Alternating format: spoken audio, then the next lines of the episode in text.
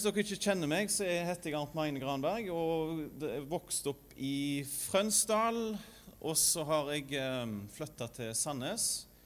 Så jeg bor der med kona og tre barn. Bodd i Sandnes i jeg vet ikke hvor mange år, jeg tror det er 15 år. Så jeg er jo voldsomt redd når jeg kommer til himbygda. Hører dere dialekten min er helt ute å kjøre? Eller jeg prøver å bevare dialekten, for jeg vet at alt annet blir bare lapskaus og grøt. Det gidder jeg ikke. Um, men jeg er helt sikkert uh, ødelagt i kantene og her og der. yes, Nok om meg. Uh, ellers jo, jeg kan jo bare si at jeg jobber i Norsk Luthersk Misjonssambann. Har full stilling som bymisjonær. De har faktisk uh, Nå anser Region Sør-Vest, eller NLM, som jeg er med i, at vi er så få kristne, særlig i storbyene, at jeg fungerer som en misjonær i Stavanger og Sandnes. Så det er faktisk veldig spennende og aktuelt. Så Måten jeg jobber på, er at jeg, ja, jeg reiser rundt og taler på barnelag og voksenmøter og sånne ting. Men jeg er på mm, en gjenbruksbutikk én dag i uka og snakker med folk der. Eh, jeg går litt ut på gata og er bl.a. på Ruten i Sandnes. Jeg skal vise Ja, vi kommer til det, men uh, uh, før jeg sier mer, så har jeg bare lyst til å be ei lita bønn. Uh, takk, Jesus, at du er her ber om at du må gi oss noe ifra deg og ditt ord. Amen. Ja, dere ser Kom litt tilbake til mer hva jeg holder på med, men det er dette jeg fikk. Og jeg fikk det i, i går kveld, så det er, noe, det er, ikke en gammel tale. men det, Jeg har aldri snakket om dette her før. Men det tror jeg er til dere, eller til oss, her i dag. Um, jeg var på denne plassen her vi kaller det for Stasjon 316. Og jeg er der én til to dager i veka. Vi har faktisk eh, tatt eh, venterommet på Ruten, så låner vi det. Eh, og så har vi innreia Eller innreia, hva heter det? Vi har bygd den på en måte litt om til en evangeliseringsstasjon. Så vi står av og til ute der med traktater og sånne ting. Og så sitter vi inne og, deler, og har kaffe. og Folk kan både sitte inne og stå ute og snakke med oss. Eh, og der kommer det eh, alt mulig folk som vi ellers aldri hadde kommet i kontakt med. Det er så bra og spennende, det, det arbeidet der. Og Så var det en morgen, en onsdag morgen i forrige uke jeg satt der. Og så kjente jeg at jeg var litt trøtte og var litt tomme, og så skal du sitte der og gi. Og så kommer det inn en kristen kristen jærbu som jeg kjente litt fra før av. Så kom han bare inn til meg, og bare sånn, han var den første som kom, så sa han 'Jeg må dele noe'. Altså, han, han, var veldig bestemt, så jeg fikk ikke gitt han en kaffe engang. For han måtte gi meg noe. Så sa han 'Har du en bibel?' Så sa jeg ja, jeg har en bibel. Og så fikk han den. Og så ja, må, må dele noe. Jeg har vært på sykehjemmet og delt noe, så nå skal du få skal dele noe med deg òg. Eller var, var, det litt dårlig jazz på slutten der. Deg òg, sier de. um, og så var jeg sånn åh, var det det? det, sitter, jeg så det satt en jærbu der. OK, Leon som står OK. Ja. Men han ville dele noe med meg. Det passet meg så godt. Og jeg kjente at det, nå fikk jeg bare sitte i ro og få noe. Um, og det han hadde å si, det var 1. Peter 1, eh, kapittel 1, 1-6. Dette leste han til meg. Eh, og det satte så inntrykk på meg at det lever i meg ennå en uke etterpå. Jeg fikk lyst til å dele det med noe her. Så leste han dette her for meg i all sin enkelhet. Peter, Jesu Kristi apostel, hilser de utvalgte som lever som fremmede, spredt omkring i Pontus, Galatia, Kappadokia, Asia og Betynia. De som er utvalgt slik Gud, vår Far, på forhånd hadde bestemt. I åndens helliggjørelse til lydighet og renselse med Jesu Kristi blod. Nåde og fred være med dere i rikt mål. Lovet være Gud, vår Herre Jesu Kristi Far, Han som i sin rike miskunn har født oss på ny til et levende håp ved Jesu Kristi oppstandelse fra de døde, til en arv som aldri forgår, aldri skitnes til og aldri visner. Den er gjemt i himmelen for dere, dere som i Guds kraft blir bevart ved tro, så dere når fram til frelsen den ligger alt ferdig til å bli åpenbart ved tidens ende. Derfor kan dere juble av glede, selv om dere nå en kort tid, om så være, har det tungt i mange slags prøvelser. Det var ikke mye han kommenterte, men jeg merka måten han, leste, han leste rolig til meg. Og så fikk jeg erfare, sånn som Peter skriver senere, at Guds ord lever. Det står Guds ord lever.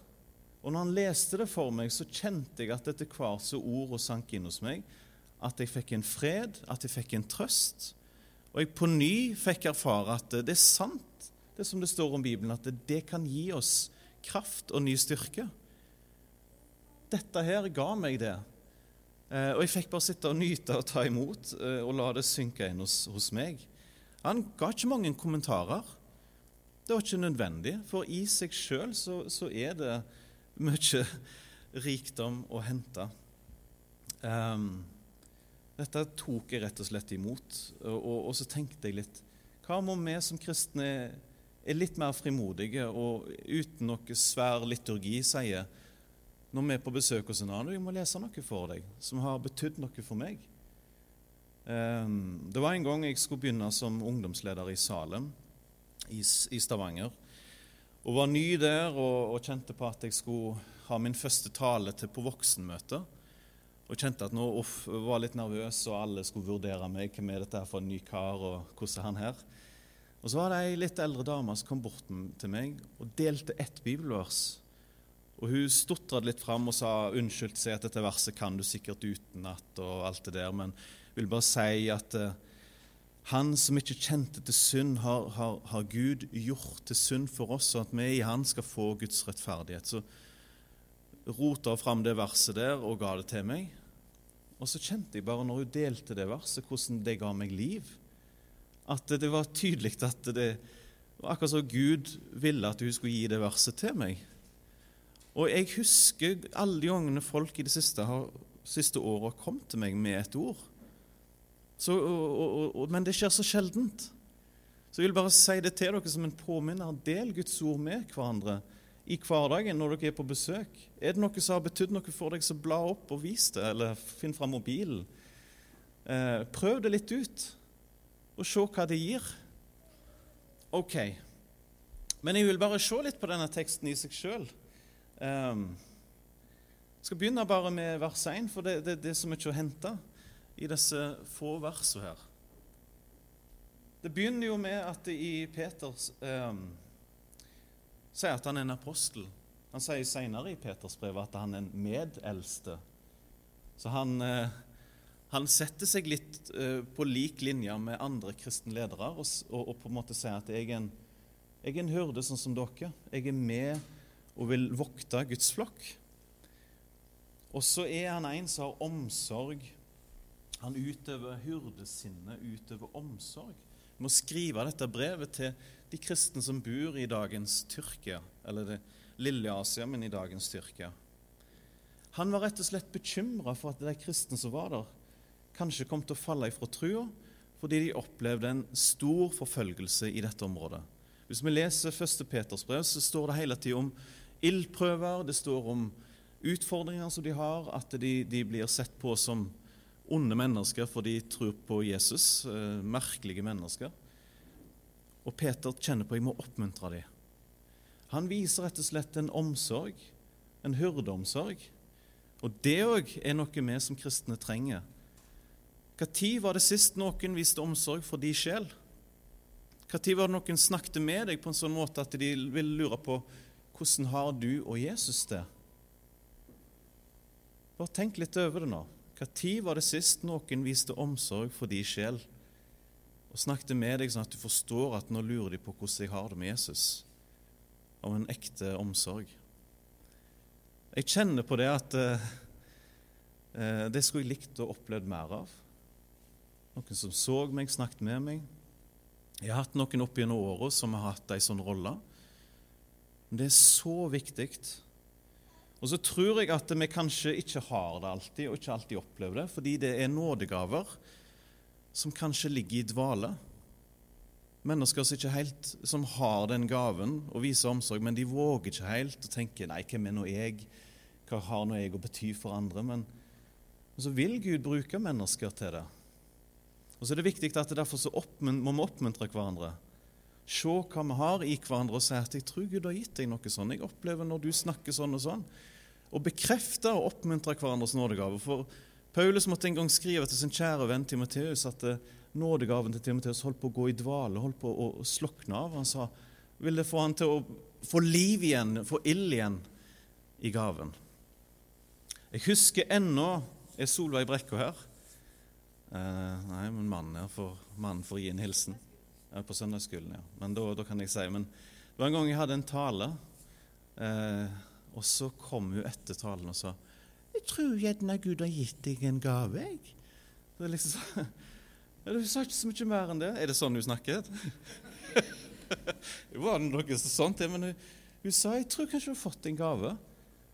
Og da hadde jeg kanskje hatt en tale, jeg var litt usikker, syntes ikke alt gikk så veldig greit. Og så kom hun og sa noe bekrefta. Det, det, det, gir meg litt sånn bensin på bålet. At ok, da våger jeg én til tale, da. Ok. Men være med å bekrefte andres nådegaver, og, sånn at hyrdesinnet og omsorgen for hverandre mer kan blomstre fram. Det er så viktig å ikke ta hverandre for gitt, men se hverandre. Um,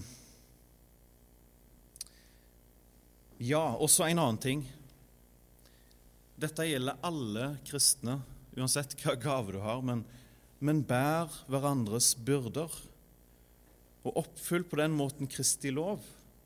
Det kommer til å bli tøffere tider framover. Hvis vi leser i Bibelen, så står det ikke at det blir bedre og bedre, men ting kommer faktisk til å ofte bli verre og verre rundt i verden med tanke på forfølgelse og forførelse. Så sier Paulus en plass 'bær hverandres byrder'. Og så er spørsmålet hvordan kan jeg gjøre det hvis ikke jeg vet hva andre på en måte bærer på? Fordi jeg mener det, og jeg kjenner på det, at vi er litt sånn fasade. Er både fasadekristne og fasademennesker. Og ytterst få som får vite hvordan jeg egentlig har det. Men hvordan kan jeg bære andres byrder hvis ikke jeg vet hva som er litt problemer rundt omkring? Med enten at en er syk, eller at en kjenner på vanskeligheter sånn, eller kjenner på ditt eller datt. For alle går med byrder. Ingen er perfekte.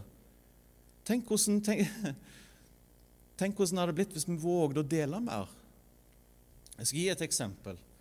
Jeg kjenner på i, i, i, forhold til den tjenesten jeg har med å stadig gå ut på gata og dele evangeliet for folk. Det er, det er tungt. Og de fleste er uenige med meg. De fleste er ikke helt enige med hvordan jeg tolker Bibelen og sånne ting rundt omkring i Stavanger og Sandnes.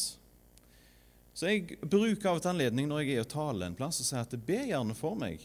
For jeg kjenner at det er en tung tjeneste jeg har. Og så var jeg på Solheim på Kvernavik, eh, tror jeg det heter, og hadde en tale der. Og så sa jeg det. Be gjerne for meg. Så kom det etter møtet et kristent ektepar som tok akkurat det på ordet og sa vi vil gjerne be for deg, for du sa at du kjenner på det at det her var godt med forbønn. Så ba de meg sette meg her, og så satte de seg på hver sin side. Og så var det ekteparet. Først så ba kona, og så sa kona til mannen nå må du be. Og så ba, så ba han òg. I fem-seks minutter så ba de for meg. Og dette er helt sant. Jeg gikk ifra å kjenne på en ansvarsfølelse, for jeg var jo en taler der, og jeg var jo litt på og liksom Jeg må gi, jeg må se de, snakke med de etter møtet. Så kjente jeg hvordan ansvarsfølelsen forsvant mens de ba for meg. Og så satt jeg og tenkte Oi! Nå kommer freden. Etter tre-fire minutter de ba, så kjente jeg nå kommer freden. Det var to kristne som var med og bar min byrde, og freden kom. Helt fantastisk. Bær hverandres byrder og oppfyll på den måten Kristi lov, altså det Jesus vil for oss. En annen ting òg, når vi oppfører oss på den måten og ikke eh, krangler og, og, og, på en måte er vonde mot hverandre, for det kan vi av og til være òg, kanskje. Og så sier Jesus sjøl at det er jeg i dem, altså oss, og du i meg, så de helt og fullt kan være ett. Da skal verden skjønne at du har sendt meg, og at du elsker dem slik du har elsket meg. Så når fellesskapen og menigheten er sånn som Jesus vil de skal være, så det er et av de sterkeste vitnesbyrd for, for, verden rundt. Når de ser fellesskapet, så ser de at dette med Jesus er faktisk ikke tull. Ok. Det var litt om hva jeg fikk fra første verset i akkurat det der. Peter har omsorg for andre kristne. et forbilde for oss òg. Vers 2 er jo så metta. Det der er jo Bibels timematerialer de luxe. Men i dette vers 2 så ser vi treenigheten. Jeg lurer jo på hvordan Jehovas vitner har tolka dette verset her. For du kommer liksom ikke fra at her er det Her ser du at guddommen er, er, er, er tre, samtidig én. At det er Gud, vår far, har ja, eh, Dere leser og har hørt hva som har stått der. Men jeg vil bare si om dette verset her at jeg syns det er flott å se hvordan Faderen har en frelsesplan for oss. Han vet, han vet hvordan han ville frelse oss. Og vi ser at Den hellige ånd han arbeider i oss for hele tida å få oss mer lik Jesus. Den hellige ånd har ansvar for en slags helliggjørelsesprosess i oss. Og sist så ser vi at Jesus, hans blod, renser oss. Det er det eneste som kan skape lydighet. Jesu Kristi blod er det eneste som kan skape en lydighet, at du vil følge etter han, er på grunn av at han renser deg og har tilgitt deg. Jeg har vært på så mange kurs og så mange besøkt menigheter for å få inspirasjon og sånne ting. Og det er fint, og det er bra, og du kan sikkert hente noe hjelp. Men ingenting slår det når Jesus Kristus får sette deg virkelig fri. Hva som skjer med deg da, og hva som skjer med fellesskap når Jesu Kristi hans blod renser oss ifra all synd og trekker oss nærmere både han og hverandre. Det var faktisk den eneste kommentaren han der i jærbuen sa til meg, at det er kun Jesu Kristi blod som kan skape lydighet. Og det gikk og surra i meg. Og når jeg skulle ut i denne tjenesten, Bymisjon, så var faktisk det eneste, eneste rådet jeg, jeg, leste i Bibelen og spurte Gud, hva er viktig for en sånn tjeneste? Og var en slags vitne, evangelist eller hva det nå er, så var det disse ordene jeg fikk, at Jesus må rense deg. Du må sjøl være rensa for å kunne gå ut og, og, fortelle om han. Og Nå skal jeg si en ting. Jeg, jeg angrer. Det var sånn at jeg, når, når, Leif kom fram og fortalte om bygg så nå, nå skal dere se her, For jeg går sjøl en plass der vi har gått ifra et bygg nede i Langgata i Sandnes, Misjonssalen Sandnes. Så har vi solgt det, for bygget ble for lite. Så måtte vi ha nytt bygg, så vi kjøpte brannstasjonen, gamle brannstasjonen i Sandnes. Og så har vi pussa det opp. Jeg har vært med på masse dugnad, og vi har fått en gjenbruksbutikk inni der og menighetssal oppe. Vi har jo om hele Det eneste som er igjen, er en gymsal som brannmennene brukte. Den har vi fortsatt tatt vare på. Men jeg merker det at uh, dette med Og derfor har jeg holdt på å angre på, fordi det er så lett for meg som er kristen å snakke om alle de ytre tinga. Eh, det er kjempelett. Naboene vet alt om det bygget der. Og Det er så lett å snakke om at vi har fått et nytt bygg, og vi har sånn og sånn og sånn. Og Derfor jeg hadde tenkt å avlyse liksom å si det der, for jeg tenker nå er de så glad for nytt bygg. Men vet du hva? Det eneste eh, som hjelper verden rundt omkring, er at vi deler et ord om Jesus Kristus. Et bygg kan verken forandre dere eller forandre verden, men et bygg er tjenlig. Så de sier Det er et fint ord for det. Et, et bygg er tjenlig. Men det er Jesu Kristi hans, blodet hans det eneste som kan berge oss og mennesker. Og det er det vi må vitne om. Når var det sist jeg sa til naboen åh, det er godt å være frelst? Når jeg har sagt til naboen mange ganger at åh, det er godt å ha en gymsal i, menigheten. Eh, det er helt tullete. Eh, døtrene mine bedre der. De bare går til naboen og så kan de spørre sånn Om du tror på Jesus? Så, så kommer det samtale om tro. De er liksom på, de er på eh, sju, sju og ti år. Og jeg går i skole når jeg ser på dem, hvordan de er frimodige. Både med venner og andre. Så tenkte jeg åh, hatt en enkel Vært så enkelt som, gjort det så enkelt som det. Men vi har denne skatten i lærkokker for at den veldige kraften skulle være av Gud og ikke av oss.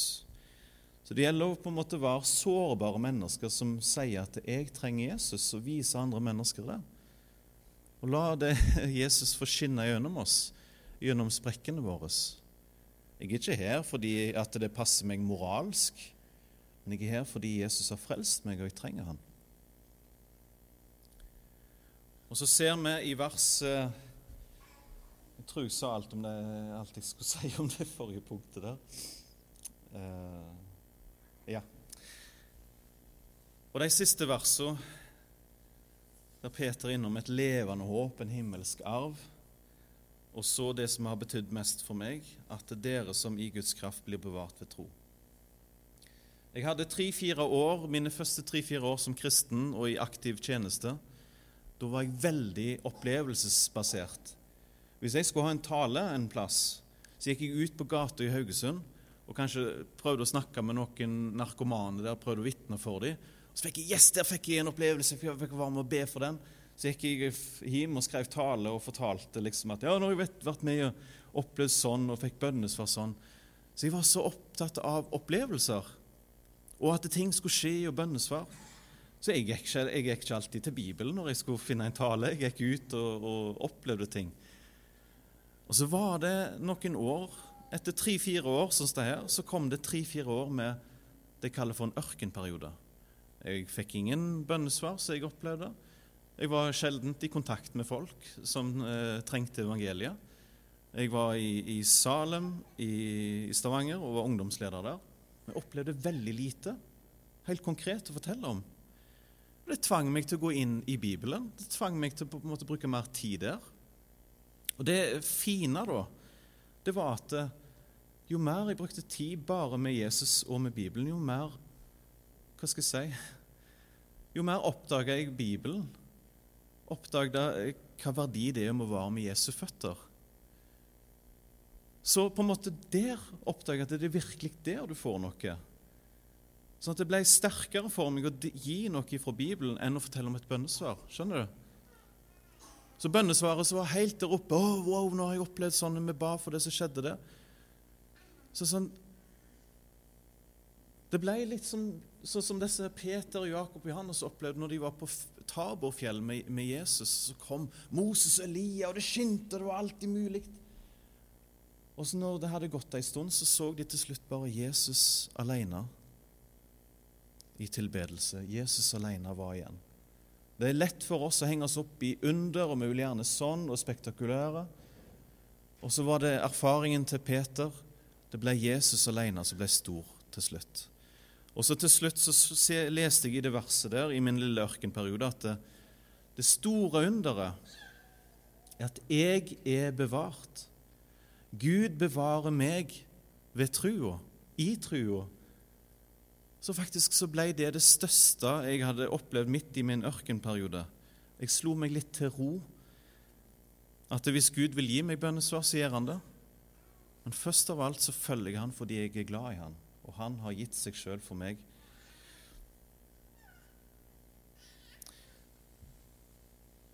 Så det siste bibelverset her Um,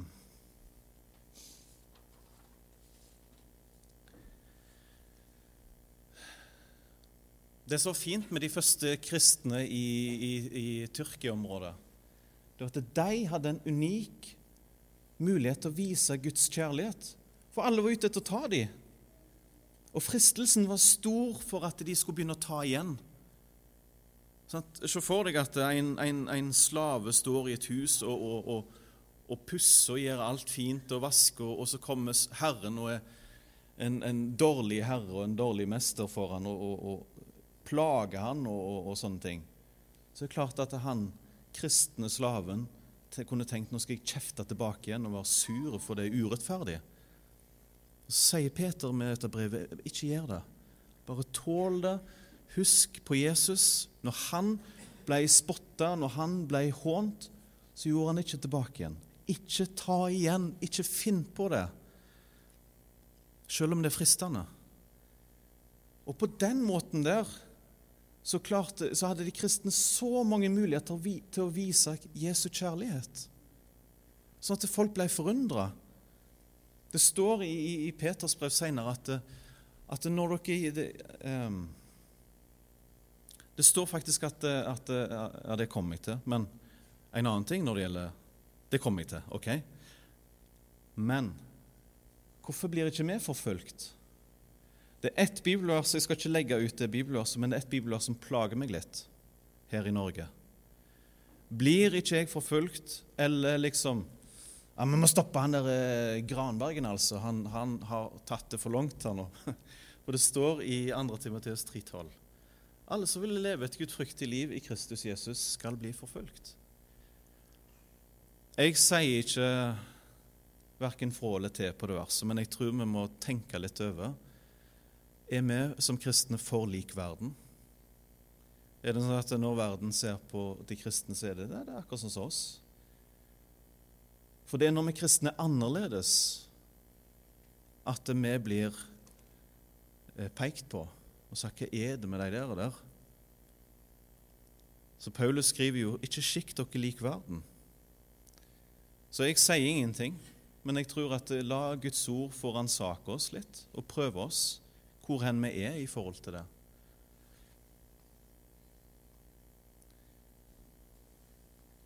Her er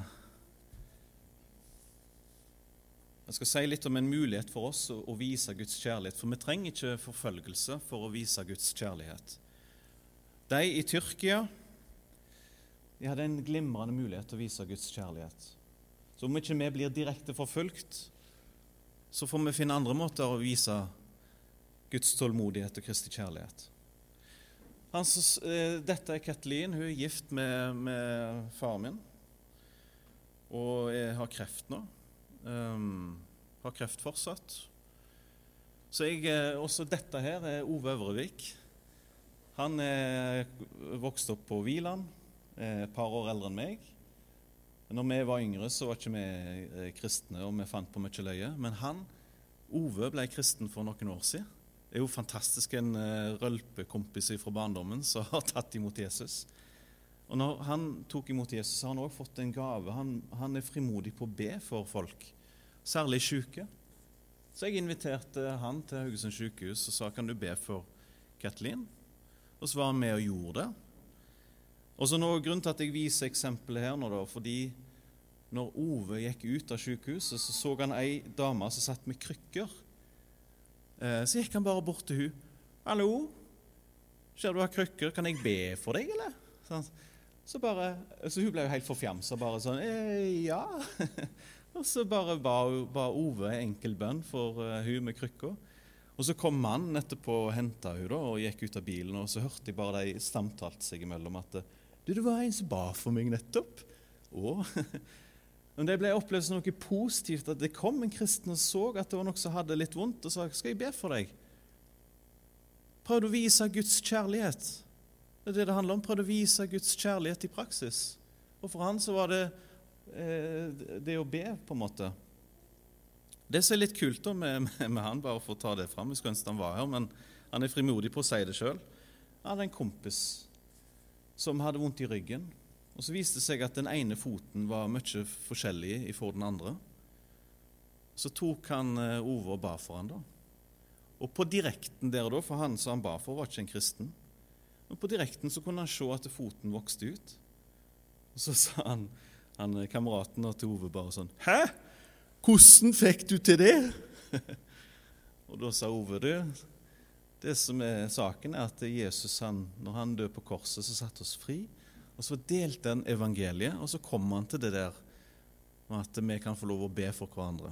Men han delte evangeliet. Han fikk en mulighet til å vise Guds kjærlighet og, og fortelle om evangeliet. Og Så spør jeg meg, og så spør jeg deg, hvordan kan du vise Guds kjærlighet her i Ølensvåg, i distriktet? Vise Guds kjærlighet og dele evangeliet. De i Tyrkia hadde sine muligheter. De ble forfulgt og kunne vise tålmodighet og kjærlighet. Hvordan kan vi i dette samfunnet her i dag vise Kristi kjærlighet og dele evangeliet? Jeg spør, og så håper jeg at eh, Gud kan gi oss et svar. Og han kan gi svar i lønnkammeret, han kan gi deg ferdiglagte gjerninger, han kan lede deg. Han har noe, han har en plan. Gud ser aldri på samfunnet og sier verden er for vanskelig nå, vi får bare vente litt. Det er aldri verden som er Guds problem.